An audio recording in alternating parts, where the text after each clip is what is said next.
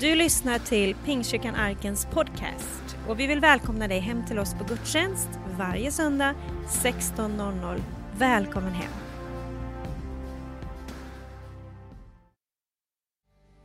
Hej allihopa! Alltså, på riktigt, jag har saknat er. Så otroligt roligt att vara här. Anders Camilla, jag älskar er. Jag älskar det Gud gör här och varje gång man kommer hit så känns det som att Eh, markörerna liksom flyttas fram hela tiden. Det är roligt att se. Det är verkligen fantastiskt att se. Hej! Folk pratar om er i arken. I, i, eh, i Sverige alltså. Ja, man är ute lite liksom och, och ögonen är här liksom. Det, det, är många som säger det att det händer ju någonting här. Och, eh, det är lätt att bli hemmablind men jag vill bara skicka en hälsning till er att det Gud gör här uppmuntrar många. Eh, det är bara att tacka Jesus för det. Eh, jag vill bara påminna oss allihopa, i tider av stretch gör det ont.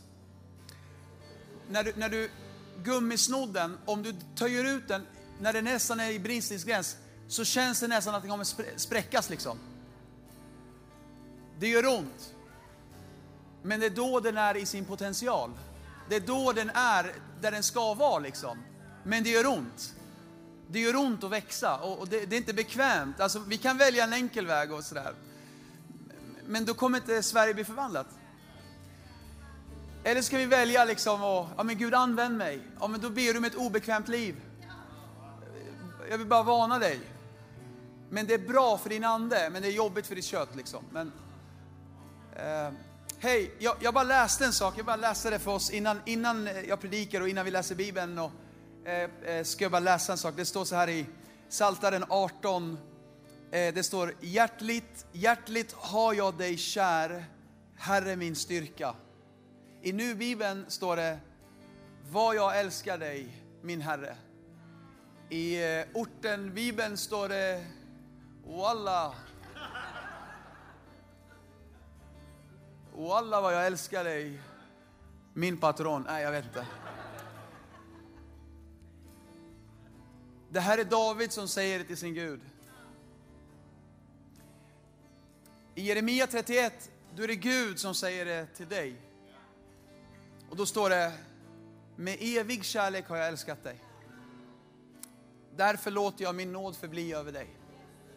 Hans kärlek är inte begränsad, hans kärlek är inte tidsbunden, hans kärlek är inte liksom kopplad med villkor. Liksom om du lever upp till det här, de här förväntningarna. Utan hans kärlek är evig. Det betyder att den, så som den har varit, är den just nu och kommer vara. Den kommer aldrig förändras. Gud är evig, hans kärlek är evig. Och, eh, många, många år sedan eh, så sitter vi ute, ute så här, jag och min fru, vi är rätt nygifta. Och min pappa och mamma, vi sitter där och pappa har precis kommit från pizzan, du vet. Vi sitter och äter nötter och dricker te. Jag och min fru och eh, eh, mina föräldrar. Och jag bara, det bara slår mig. Jag har aldrig sett min mamma, pappa pussa min mamma. Jag har aldrig sett min pappa pussa min mamma. Jag bara, ba, ja, visa lite kärlek någon gång. Pussa henne eller något. För han klagar på mig jämt att jag pussar Lotta, du vet. Pussa henne eller något. Han bara, oh, du vart han röd i ansiktet. Han tyckte det var jättejobbigt. Han vill inte, habibi jag skämmigt, det, det är haram, du vet, det ena och det andra. Ja, så här. Så jag bara, eh, visa något. Och så, han, och så försökte pappa på sitt sätt säga att han uppskattar mamma. Och du vet, han tragglade med orden och det var så svårt och det liksom tunghäfta och allting. För min pappas sätt att visa kärlek, det är att ge saker. Han, det är inte ord, liksom. han ger. Alltså, vill han säga att han älskar mig, då liksom, får, en, får jag 500 spänn. Liksom. Det är här, ja, men det, det, alla har olika kärleksspråk, liksom. och jag vet min pappas. Men, och att säga något är, ligger långt inne, liksom. så ska han säga något och så säger, säger han, helt, mitt i allt tragglande, så säger han, faktiskt, jag är jättetrivs med Mariam. faktiskt, jag bara, och mamma, hon började fnittra, du vet. Hon, bara, hej, så här, hon blev så här smickrad. Jag bara, vad gulliga ni är! Och faktiskt, jag är jättetrivs med Mariam. Jag är jättetrivs med Mariam. Jag sa till Lotta, Habibi vet du, det är den största kärleksförklaringen min pappa kan ge. Det är som att han säger jag älskar dig 10, 40, eller så 10 gånger till henne. Det är jättefint sagt av pappa. Jag har aldrig hört honom säga så här. Det här var väldigt fina ord. Jag är jättetrivs med dig Mariam. Hej! Får jag säga till dig här idag. Gud är jättetrivs med dig. Med evig kärlek har han älskat. När vi sjunger på det här sättet, då är det vårt sätt att uttrycka tillbaka vår kärlek till honom. Lovsång är en motorväg. Och jag, jag undrar vad som skulle hända mina vänner. Om vi skulle bara lägga saker åt sidan just nu, ställa oss upp i, i, i dyrkan till våran konung, i, i beundran till våran frälsare, i, i tacksamhet att han har öppnat himlen för oss och förlåtit våra synder. Om du är gäst här idag och inte är van att sjunga liksom på det här sättet, så bara njut av atmosfären. Men jag vill uppmuntra dig att testa att vara kristen nu. Testa att liksom uttrycka någonting till Jesus. Kanske kommer det klicka till i ditt hjärta och du kommer känna hans kärlek tillbaka. Det är omöjligt för dig att ge någonting till Gud utan att få någonting tillbaka. Du kan inte toucha honom utan att han touchar dig. Många säger till mig, vad får jag ut av det här mötet? Well, vad lägger du in? Många så här, väntar på att bli betjänade. Men du får ge och du skall få. Ge och du skall få. Låt oss toucha hans hjärta i lovsång. Och jag lovar dig, himlen kommer inte vara tyst. Han kommer nudda dig tillbaka. Och han kommer säga, jag är jättetrivs med dig. Jag älskar dig min son. Jag är med dig min son. Jag har inte lämnat dig min son. Och kan inte vi ta den här sången igen? Du övervann mörkret, du övervann graven. Och du, synden förlorade sitt grepp. Kan vi inte lyfta våra händer mina vänner? Inte till någon människa utan till våran konung, till våran Herre, till våran gudars Gud i Jesu namn. Ska vi rulla ut röda mattan för honom, säga välkommen till den här platsen Jesus. Vi älskar dig Jesus. Åh vad vi älskar dig våran Gud. Låt oss sjunga, låt oss tillbe. Come on church! Fader jag tackar dig så oerhört mycket att du alltid, alltid tar emot vår lovsång som ett välbehagligt offer som stiger upp inför dig som en rökelse ifrån Värnamo, ifrån det här rummet. Våran konung, vi dyrkar dig. Vi kastar blommor framför dig. Vi ligger raklånga framför dig i tacksamhet till vad du har gjort för oss. Kom heligande, måla Jesus för varje öga. Tack Gud för dopet. Tack Gud för det du gör i det här rummet, i den här kyrkan, i den här delen av kristenheten. Tack Gud för Småland, tack Gud för väckelsetider. Tack Gud för, för alla ledare, alla, alla, alla, alla, alla människor du sänder hit. Tack Gud. Skörden är stor men arbetarna är få och du sänder arbetarna till din skörd. Vi tillber dig våran Herre i Jesu Kristi namn. Amen.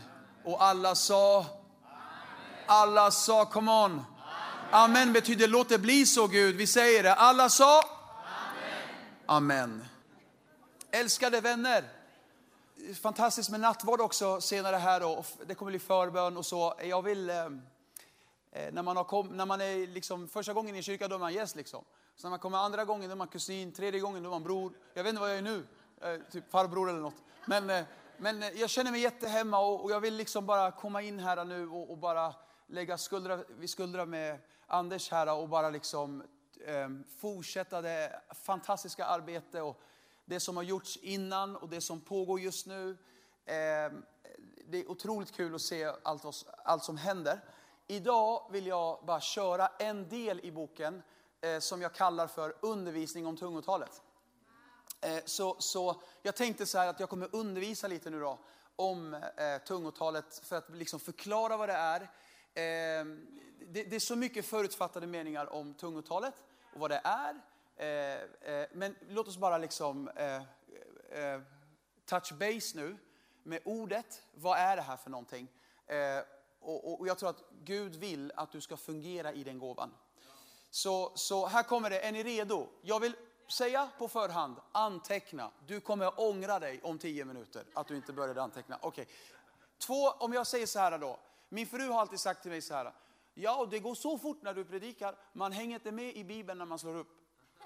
Så ge dem istället ett, ett bibelord eller två bibelord som de hinner slå upp och resten kan du bara läsa. Så här kommer två. Nu försöker jag vara superpedagogisk. Två. Apostlagärningarna 2 och första Korinthierbrevet 14.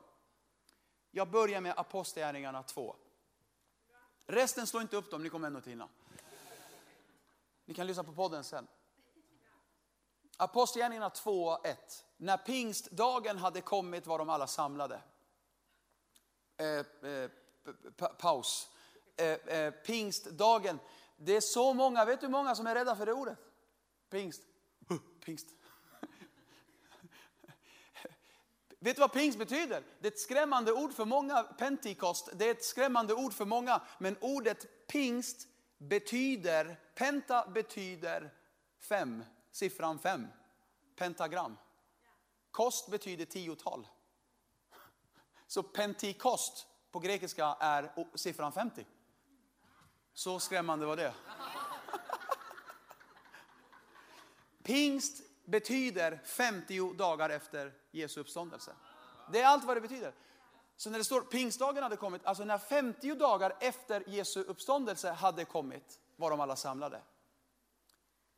Och då står det, i alla samlade, i engelskan står det, they were gathered in one accord. Bara lägg det på minnet när jag kommer till slutet.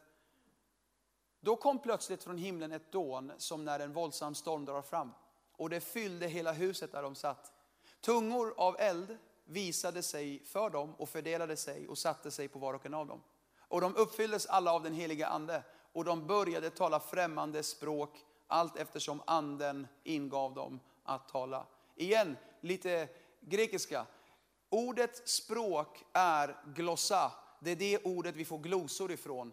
Det betyder att tungotal är ett språk. Eh, det är ordet glosor. De började tala olika glosor. Punkt ett i undervisningen idag. Tungotal är ett språk. Och eftersom det är ett språk är det ingenting vi behöver vara rädda för. Det är inte gibrish, det är inte mummel, det är inte hittepå. Det är inte någon i extas eller svartbälte i bön, så det går för fort när de ber bara. Tungotal är ett språk. Vers 5. Nu bodde i Jerusalem fromma judiska män från alla folk under himlen. När dånet hördes samlades folkskaran och alla blev mycket uppskakade eftersom de hörde sitt eget språk talas. Ordet här är dialektos och det är ordet dialekter. De hörde sin dialekt. Eh, de hörde på sin dialekt. Enligt Bibeln är tungotal ett språk. Och eftersom det är ett språk är det ingenting du behöver vara rädd för. Finns det någonting som står i Bibeln så ska vi aldrig vara rädda för det. Om någonting finns i Bibeln behöver du inte vara rädd för det. Utan då är det någonting positivt, någonting bra, någonting vi ska omfamna och säga bring it on gode Gud. Amen. Eh, jag tror att djävulen har gjort kristna rädda för den helige Ande. För att han vet hur det accelererar din kristendom. Han vet också hur fort du blir formad som Kristus och hur mycket det producerar Kristuslikhet och andens frukter i oss när anden får ta tag i oss. Därför vill han, han ljuger om honom i våra mörkaste timmar och säger saker om honom som att akta dig, du kommer bli som henne och henne om du öppnar dig för anden. Han, han kommer ta över dig, du kommer inte kunna kontrollera dig. Akta dig mannen, akta dig. Vill du bli konstig? Och många skäms för det då. Och liksom nästan så här äh, dämpar det för att nå fler. Men hör, vänskap med världen är fiendskap med Gud. Vi skäms inte för evangeliet. Det är Guds kraft som frälser var och en som tror. Och vi skäms inte för den tredje personen i gudomen, den enda som kan möjliggöra att kyrkan når hela världen. Amen. Det här är det tyngaste jag bara säger. Okej, okay. här kommer tre myter om tungotal. Nummer ett, A. Du kommer tala flytande direkt. När du tar emot andens dop, boff, du kommer tala helt flytande direkt. Vet du, det är en myt. Det är inte sant. Eh, vi tänker att så måste det ha varit på pingstdagen, men jag gjorde en upptäckt för några år sedan. Det står inte att de talade flytande, det står att folket hörde flytande. Och det var det som var miraklet. Guds kraft kom över dem, tungor som utav eld visade sig på dem och de talade i olika dialekter, i olika glosor och folket uppfattade det flytande. Det står inte att de talade flytande. Vill, min poäng med det är följande. Vi tror att det ska vara jättevackert direkt.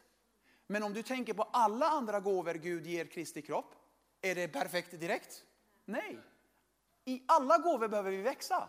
Varför är det då annorlunda med tungotalet? Vem är proffsprofet direkt när de får profetisk gåva?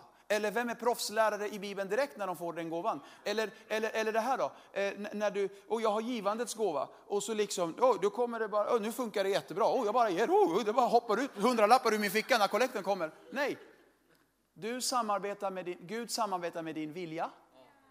Och, det är inte liksom, och det tar emot, Gud talar och då, får du liksom, då är det strid mellan köttet, då får man bara välja att gå Guds väg där. Amen. Som alla andra gåvor behöver vi växa. Varför är det då annorlunda med tungotalet? Du växer i gåvan. Eller ta jordiska språk.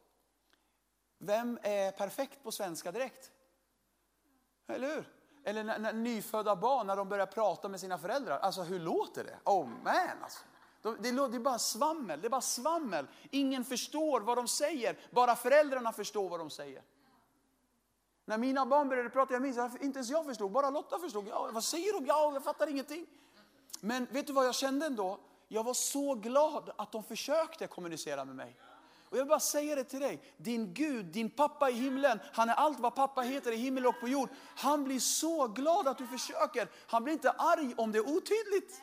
Han blir bara överlycklig att du försöker kommunicera till honom. Halleluja! Så, så ta ner liksom prestigen och liksom prestationsångest kring det här. Gud är god, Gud är frid, Guds ande lägger inte press, han lägger frid. Om du pressar fram det funkar det inte. Om du slappnar av och tackar Gud så kommer det flöda. Amen. Ja. Ehm. Eh. Här kommer nästa myt. Du kan inte kontrollera det. Du kommer hamna i en trans mannen och du kan inte stoppa det. Och det här gör också folk rädda för det. För vem vill bli konstig? Lyssna, den helige ande är inte konstig, det är människor som är konstiga. Tänk på alla andra gåvor igen, profetisk gåva. Kan du kontrollera den profetiska gåvan? Ja. Det är inte, eller kan du kontrollera predikogåvan? Ja. Det vore ju helt hemskt om inte du kan kontrollera den. Du bara springer fram och tar micken ifrån mig. Nu ska jag predika. Jag kan inte kontrollera, det är bara Herrens ande som kommer över mig. Gud är inte oordning, Gud är frid. Och så här står det i, första Korinthierbrevet 14. Profetens ande underordnar sig profeten. Med andra ord, gåvan böjer sig under den som bär gåvan. Så gåvan tar inte över och bara, det bara tar över hela din kropp. Liksom. Eller hur? Utan det är att gåvan pockar på och manar. Men sen finns det en ledarskap, man måste bolla det igenom, finns ett förtroende och så vidare. Eh, eh, eh vet du, om man är för stor för att tjäna, då är man för liten för plattformen. Amen. Eh, kan du kontrollera de andra gåvorna? Absolut. Varför skulle du, va, du, du, kan kontrollera, du kan kontrollera tungotalet. Guds ande samarbetar med din egen vilja. Här kommer myt nummer tre. Det kommer hoppa ut ur dig. Jag har bett till Gud att det ska komma, jag hoppas en dag att det kommer. Och en dag bara, oh, så kommer det bara. Nej, nej, nej, nej, nej, nej. Att tro att det kommer hoppa ut ur dig är precis som jag beskrev med kollektkorgen i gåvan att ge. Det hoppar ut en hundralapp ur min ficka. Nej, återigen, jag samarbetar med Gud. Jag samarbetar med, han, med, med Guds ande. Jag, min vilja samarbetar med Guds ande.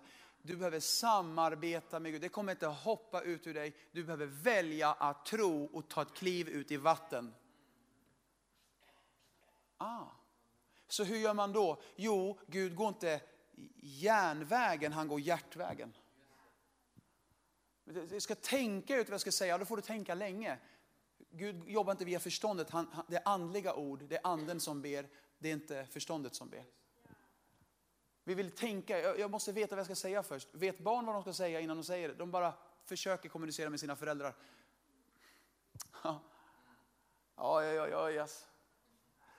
Okej, okay. här kommer punkt två om tungotalet. Tungotalet är ett andligt språk. Det här är jätteviktigt att förstå. Första Korinthierbrevet 14.2. Den som talar i tungor talar inte till människor utan till Gud. Alltså du talar inte till människor, du talar till Gud. Ingen förstår honom när han i sin ande talar hemligheten. Den som talar i tungor talar inte till människor utan till Gud i anden. Det här, bara om de här två verserna landar i våra hjärtan, okej okay, nu förstår jag vad det här är. Ehm, här kommer två andra eh, verser som är fantastiska. Vers 14. Ty om jag talar i tungomål när jag ber, eh, ordet, ordet om indikerar att det är ett val. Jag väljer, alltså om jag gör det, inte när, utan om jag gör det. Ehm, så ber min ande, men mitt förstånd bär ingen frukt. Mitt förstånd förstår inte utan jag gör det i lydnad, alltså i lydnadshandling till vad ordet säger. Gud säger det, ni skall tala nya tungor. Om ni ber om heligande ska ni få heligande. Okej, okay, då står jag på det och nu gör jag det bara i lydnad till vad skriften säger. Är ni med? Det är inte känslodrivet, det är Guds ord baserat. Gud jobbar med ditt känsloliv, men det är inte känslolivet som dikterar eh, eh, vet du det, eh, det är inte det som bestämmer, utan det är ordet. Jag litar mer på ordet än mitt känsloliv. Jag måste känna något, jag måste känna att det måste kännas bra. Hur ofta känner du för att förlåta fiender? Hur ofta känner du eh, eh, att, att du vill eh, liksom släppa saker? Nej, du fattar ett beslut att förlåta, för du vet att Bibeln säger att vi ska förlåta. Amen. Och på samma sätt kan du fatta ett beslut att förlita dig inte på ditt eget förstånd. Håll inte dig själv för vis, utan frukta Gud och fly det onda och håll dig till vad skriften säger. Amen. Jag kan gå nu, jag kan gå nu. Amen. Vad innebär det här? Kolla noga på det du sa. Jo, jag vill be i anden, men jag vill också be med mitt förstånd. Det här betyder så här. Jag vill be i anden, alltså jag vill be i tungor. För det är det andlig bön är. Men jag vill också be med mitt förstånd, alltså själen, svenska ord, engelska, syriöjo, arabi, eh, spanska, whatever you speak, finska. Jag vet, jag vet, du pratar finska. Att, att be med förståndet, det är att själen ber. Det är vanliga jordiska språk. Men att be med anden, det är andligt språk. Det är tungotal. Det är olika objekt som ber nu, ber, nu pratar min själ, men nu kan min ande börja prata med Gud och då är det andliga ord. Och jag väljer vad jag gör. Jag väljer att prata svenska. Jag pratade precis eh, Jesus eget språk, jag är kusin med Jesus. Och, eh, och now I'm talking English because I just want to. Jag väljer vilket språk jag talar för att eh, jag bestämmer mig för det och så talar jag det. Och exakt så kan jag bestämma mig, nu vill jag ge min ande en röst. Tyngast, eller hur? Det är inte så, hej, Gud är inte svår. Vi gör honom svårare, så här, tror jag. Gud är god. Gud är inte komplicerad, han är inte en svår person att ha att göra med, han är enkel. Han gör det enkelt för dig och mig. Skrift är inte svårt. Det, det, det ska inte tro att oj, det är jätte... Jo, det finns mycket att upptäcka i Bibeln, men Gud är inte komplicerad och svår. Han, han, han talar inte i gåtor, står det till Moses. Han talar tydligt med sin tjänare. Ansikte mot ansikte med sina vänner. Han, han gissningslek, oh, nu ska, du, ska vi göra mystiskt och svårt det här. Kristendom, ingen så mystisk. Jo, det finns, en, det finns mycket att upptäcka, men jag vill säga, Kristus talade tydligt till folket i liknelse så att de förstod. Amen. Okej, okay, här. Så om jag ber i tungor, då ber min ande. Men om jag ber på svenska, då ber mitt förstånd. Jag vill göra båda två, säger Paulus. Jag vill be med min ande, men jag vill också be på grekiska. Eller, eller vad det var för honom. Hur många kristna ber inte under hela sitt kristna liv med bara sitt förstånd? De går igenom ett helt kristet liv och att bara be med sitt förstånd. Eh, kan det vara möjligt att anden har lite bättre perspektiv än vårt förstånd? Vi är ande, själ och kropp. Själen består av tankar, känslor och vilja. Om jag ber med mitt förstånd, då ber jag utifrån mina känslor, mina tankar, min vilja. Och håll med om att jag inte alltid vill vad Gud vill det är en kamp, det där kampen är. Djävulen skjuter mot min vilja. Liksom, jag vill synda, jag vill verkligen synda. Liksom, jag vet att det är fel. Eller jag, jag känner fel. Jag, jag verkligen nita den där killen. Alltså, jag vill verkligen nita honom. Så här. Alltså, jag känner fel. Eller, eller jag tänker fel. Jag, jag tänker inte bra just nu. Jag tänker liksom att hans bil brinner just nu.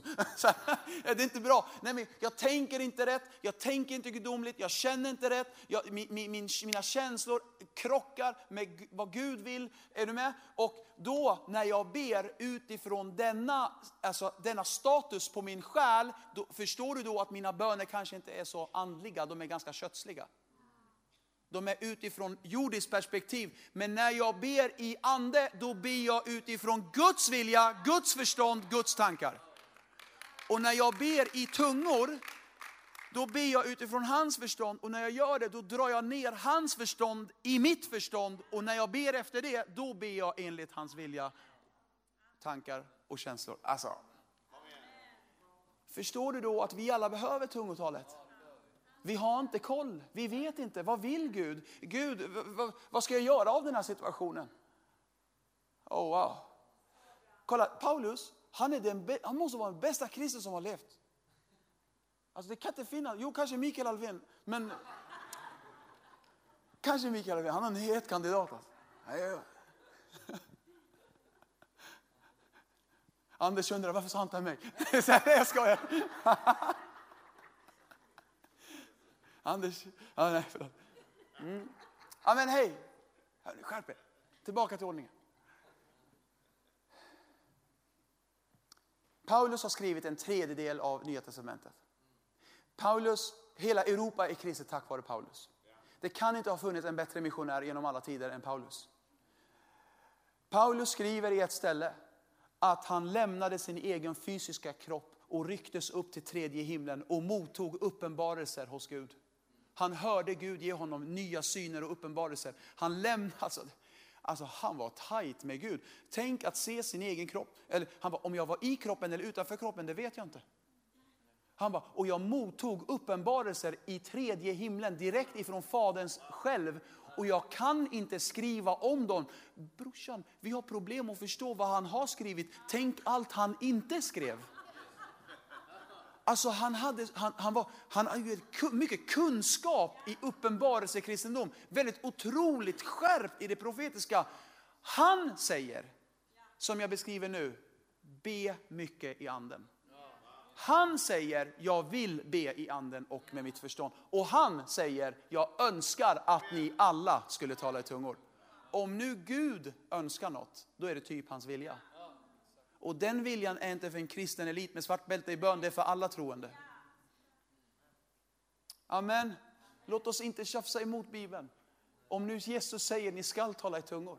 Och om ni ber om heligande ska ni få heligande. Då gäller alla. Ja, men det visar sig på olika sätt och Gud uppenbarar sina gåvor på olika sätt. Hör, hör, hör, hör. Gåvorna är den heliga Ande. Du tar emot en person och när du tar emot personen, du tar emot gåvorna också. Anden är inte uppdelad. Du tar inte emot halva anden, du tar emot en person, anden. Han flyttar in i dig och när han kommer över dig, då får du med allt han har. När jag hör människor säga så här, jag har gåvan att skilja mellan andar. Vet du, säg inte så, för det är inte, det är inte rätt. Jag har gåvan, du har inte gåvan, anden har gåvan och han kan låta den gåvan flöda igenom dig. Så det, det blir så nästan så högmodigt. Liksom. Ja, jag har den gåvan lite bättre. Så här, liksom. Hej, hej, det du har är den heliga ande och han har gåvan. Och han fördelar den så som han vill. Amen. Du har personen, den heliga ande. Och han vill med suckar utan ord kommunicera till Fadern direkt. Amen. Ja, det är tyngaste. Jag hörde en pastor, han levde mycket i det profetiska, men han talade inte i tungor. Hans fru talade i tungor, men inte han. En morgon sitter de på frukostbordet och hon ler lite mer än vanligt. Och han frågar henne, varför ler du älskling? Och då säger hon, Hihihi. nej, jag skojar, hon sa inte det. Hon säger, nej det är ingenting. Han säger, kom igen, säg nu, annars kittlar jag dig. Då sa han, okej okay då. I natt när du sov, då gjorde du det. Gjorde vad? säger han. Alltså du bad i anden. Han sa, va? Han var så hårdhudad att Gud behövde få hans kropp att somna för att förstå att hans ande kunde be.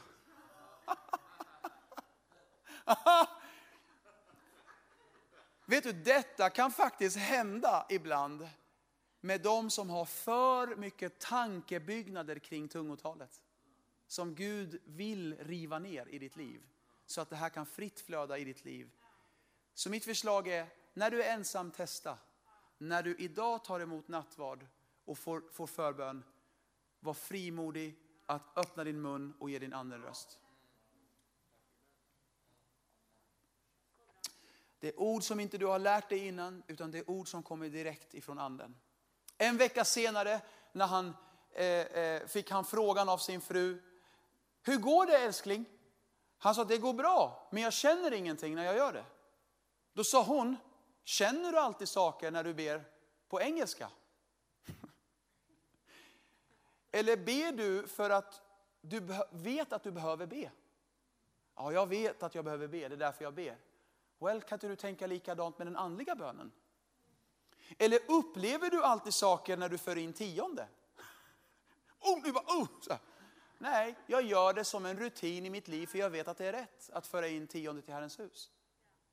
Så mitt råd är, be på svenska, när orden är slut, låt Gud be genom dig. Mycket som tiondet, i början känns det inte så mycket, det tar emot liksom mycket tankar, men sen blir det en rutin, då går det lätt.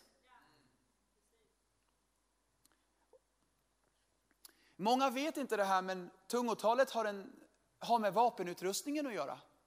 Många gånger vi läser vapenutrustningen i Efesierbrevet 6, men tungotalet har med vapenutrustningen att göra.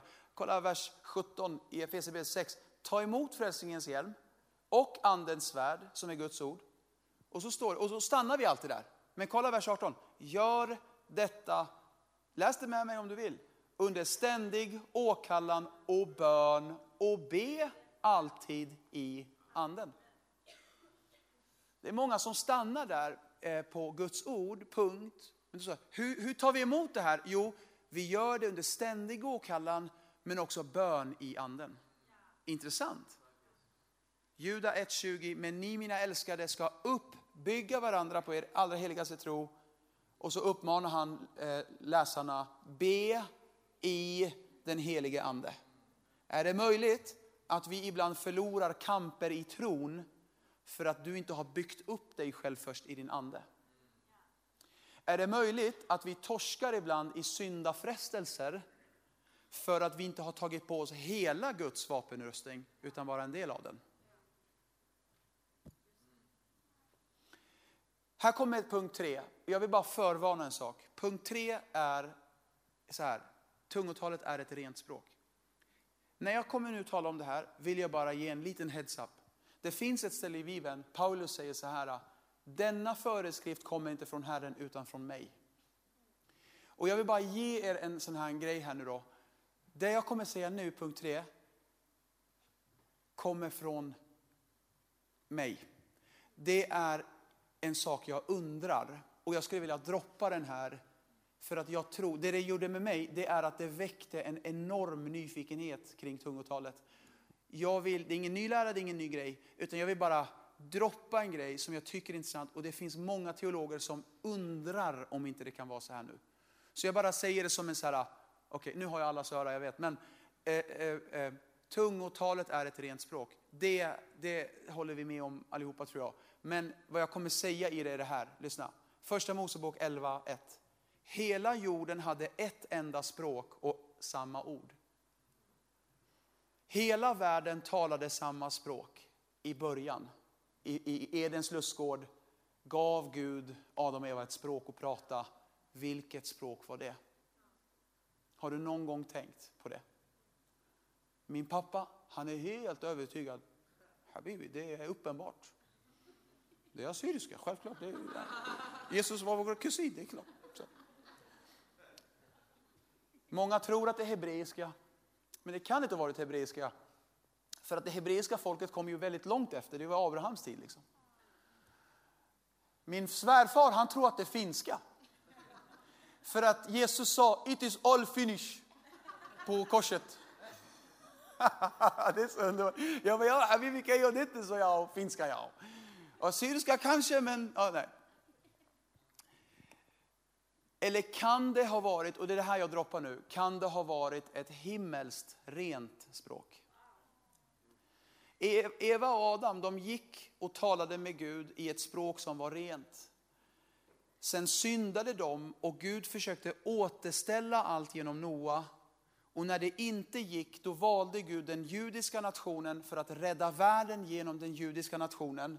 Och allt det här var före Abraham. Vers 5 i samma kapitel säger så här, då steg Herren ner för att se på staden och tornet som människorna byggde. Det här var Babels torn. By the way, ordet Babel är ordet babbel. Vi får, alltså, babbel, de babblar mycket. Det är sant. Ba, ba, babel, babel, alltså assyriska, liksom, det är just exakt. Um, då steg Herren ner och såg på staden som, och tornet som människorna byggde. Och Herren sa, tänk nu på att det är Gud som pratar. Herren sa, Se, de är ett enda folk och de har ett enda språk. Detta är deras första tilltag. Härefter ska ingenting vara omöjligt för dem, vad de än bestämmer sig för. Det här sa Gud. Låt oss stiga ner och förbistra deras språk så att den ene inte förstår vad den andra säger. Så spred Herren ut dem därifrån över hela jorden. Tänk nu på det här. De hade ett språk, de försökte bygga ett torn upp till himlen och den naturliga följdfrågan blir såklart, varför lät inte Gud dem försöka? Tänk om de hade lyckats. Men egentligen svarar Bibeln på det. Gud sa ju att de skulle lyckats.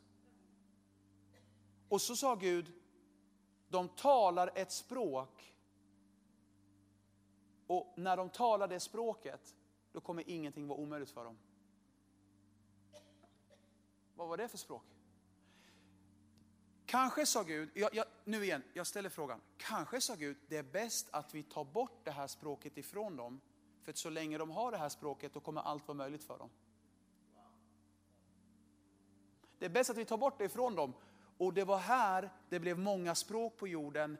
Kan det vara möjligt att om du använder det här språket jag pratar om idag, då kommer ingenting vara omöjligt för dig. Men om du hela tiden ber själsliga böner när du ber, då kommer inte du nå fram till allt Gud vill. Din själ ber själsliga böner, din ande ber andliga böner för dina barn, för din framtid, för din ekonomi. Och när du ber det språket, då bönhör Gud och ingenting är omöjligt. I Babel talade hela världen ett språk och så länge de pratade det språket var ingenting omöjligt. Sen fick de olika språk så den ene förstod inte den andra. Nu kommer en superintressant vers. Kolla jättenoga på skärmen. Ni får den på engelska. Det handlar om när anden skulle utgjutas på jorden över kyrkan. I Sefania 3 står det, For then I will restore to the peoples a pure language that they may call upon the name of the Lord and serve him in one accord. Vart läste vi det? Ser du de två, one accord, vart läste vi det? Apostlagärningarna 2.1. When the day of Pentecost had fully come, they were all gathered in one accord. Kan det vara så att Sefania 3 är en uppfyllelse i Apostlagärningarna 2? Kan det vara så att det språket Gud tog ifrån dem, sa han att jag ska återställa det. Återställa på hebreiska är att ge tillbaka, jag ska ge tillbaka det. Alltså hade de det innan, han ska ge tillbaka det.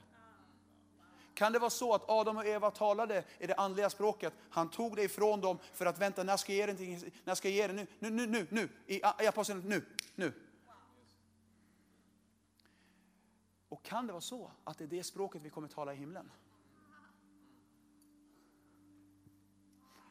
Jag slänger ut frågor, jag skapar ingen ny lära, jag bara säger, det här är jätteintressant för mig. Och jag undrar om inte det finns mer för oss att upptäcka kring tungotalet än vad vi anar. Kan vi stå upp allihopa? Älskade vän. Älskade, älskade vän. Jag var för många år sedan i en fritidsgård och en kille ville bli frälst. Jag bad med honom till frälsning. Eh, och, och jag, den här tanken kom i mitt huvud. Han kan ju bli andedöpt nu. Och du vet, det är ingen stämning, det var liksom lysrör, det var ingen så här skön musik och så här. Kan Gud verka i sånt här? Han kan. Ja, jag, jag, bara gick på den känslan jag fick då. Jag sa, hej brorsan, Bibeln talar om det här också. Eh, att man kan ta emot en heligandes dop. Och det kräver inga förkunskaper eller så någon betyg i kristen tro. Liksom. Eh, du kan bara ta emot det nu. Eh, skulle du vilja ha det? Ja, absolut. Måste jag ta ut min snus då? Jag bara, ja, kanske. Eller, gör det. Ta kepsen också. Vi gör det lite heligt här. Han gjorde jag, jag, jag visste inte. Jag bara sa det. Jag, jag tror att han klickar mer med momentet liksom. Ja. Så, så ska vi be då, och så ber jag för honom.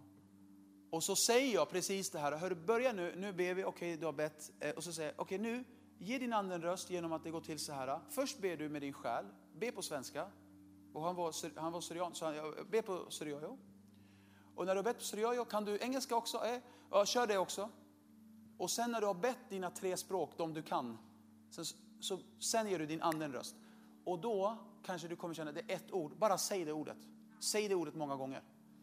Och när han då sa det här, äh, då hände det då. Han sa ett ord. Och det lät som att han sa en figur i Sagan om ringen. Jag minns, jag ska ärligt säga, jag föraktade det. Jag, jag, åh vad gulligt. Så här. Och så kände jag direkt hur Guds ande sa till mig, han har i alla fall modet att försöka.